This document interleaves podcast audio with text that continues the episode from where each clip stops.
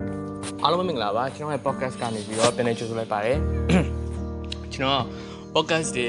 အာ season 1ပြီးသွားလို့မလို့မလုပ်ဘဲနဲ့ကျွန်တော်9ရက်လောက်နားနေပါတော့ကျွန်တော်ဒီနေ့မှာတော့ကျွန်တော် podcast ပြန်လုပ်ပါပြီအမ်ဒါပြင်ကျွန်တော်ကျွန်တော်ရဲ့ podcast တွေကိုဒီ Castbox app ရဲ့ Spotify ရဲ့ Google ရဲ့အဲ့ Anchor ရဲ့ပေါ့နော် အဲ့လေးခုမှာတိုက်တဲ့ platform ကနေပြီးတော့နားထောင်လို့ရပါတယ်ကျွန်တော်အနေနဲ့ recommend ပေးချင်တာကတော့အဲ့ Spotify နဲ့ Google Podcast မှာနားထောင်မှုအကြံပေးပါတယ်ဆိုတော့ကျွန်တော်ဒီနေ့ဘာပြောလောက်မှာလဲဆိုရင်ကျွန်တော်ပကြီးဆွဲရတဲ့ပတ်သက်ပြီးတော့ကျွန်တော်ပြောပြပါမယ်အာပကြီးဆွဲတယ်ဆိုတာပကြီးဘယ်လိုဆွဲရမလဲဆိုတော့ share လုပ်မှာမဟုတ်ဘူးပေါ့နော်အာဆက်ပြီးနားထောင်လိုက်ပါ Okay ပကြီးဆွဲတဲ့သူတယောက်ကိုကျွန်တော်မြင်မှုမဲ့ထင်ပါတယ်အပြင်မှာမဟုတ်ရင်တော့မှကျွန်တော်ရုပ်ရှင်ထဲမှာပဲဖြစ်ဖြစ် အာမြင်မှုကြမယ်လို့ကျွန်တော်ထင်တယ်မြင်မှုမှာပါဆိုတော့ဗကြီးဆွဲတဲ့အခါတချို့ကကြတော့ပုံလူဆွဲတာကိုပုံလူဆွဲကြတယ်ပေါ့နော်ဘလို့ဘလို့ပုံလူဆွဲရလဲဆိုကိုယ့်ရဲ့အရှိမှာလူပုံပေါ့နော်လူပုံပဲဖြစ်ဖြစ်ဘယ်လိုမျိုးအပင်ပုံလို့ပဲဖြစ်ဖြစ်မြင်နေရတဲ့ရှုခင်းတစ်မျိုးမျိုးကိုဆွဲတာကိုပုံလူလို့ခေါ်တယ်နောက်တစ်ခုကကြတော့ကိုယ့်ရဲ့အတွေးစိတ်ကူးရရနေလာတဲ့အရာကို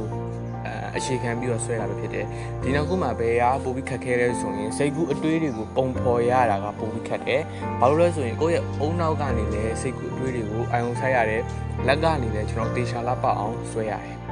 အဲ့တော့ဒီဥစ္စာပိုခက်တယ်ပေါ့နော်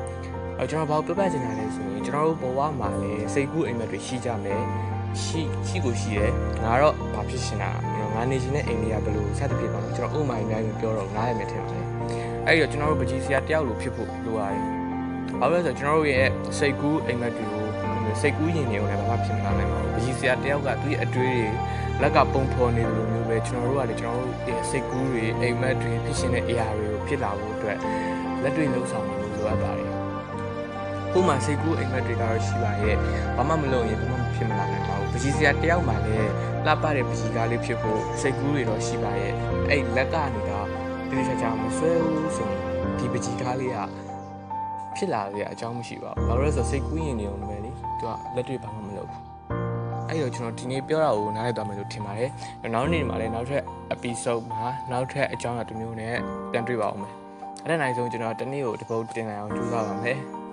။အာနောက်ထပ် podcast မှာပြန်တွေ့ပါမယ်။ကျေးဇူးများတင်ပါတယ်ခင်ဗျာ။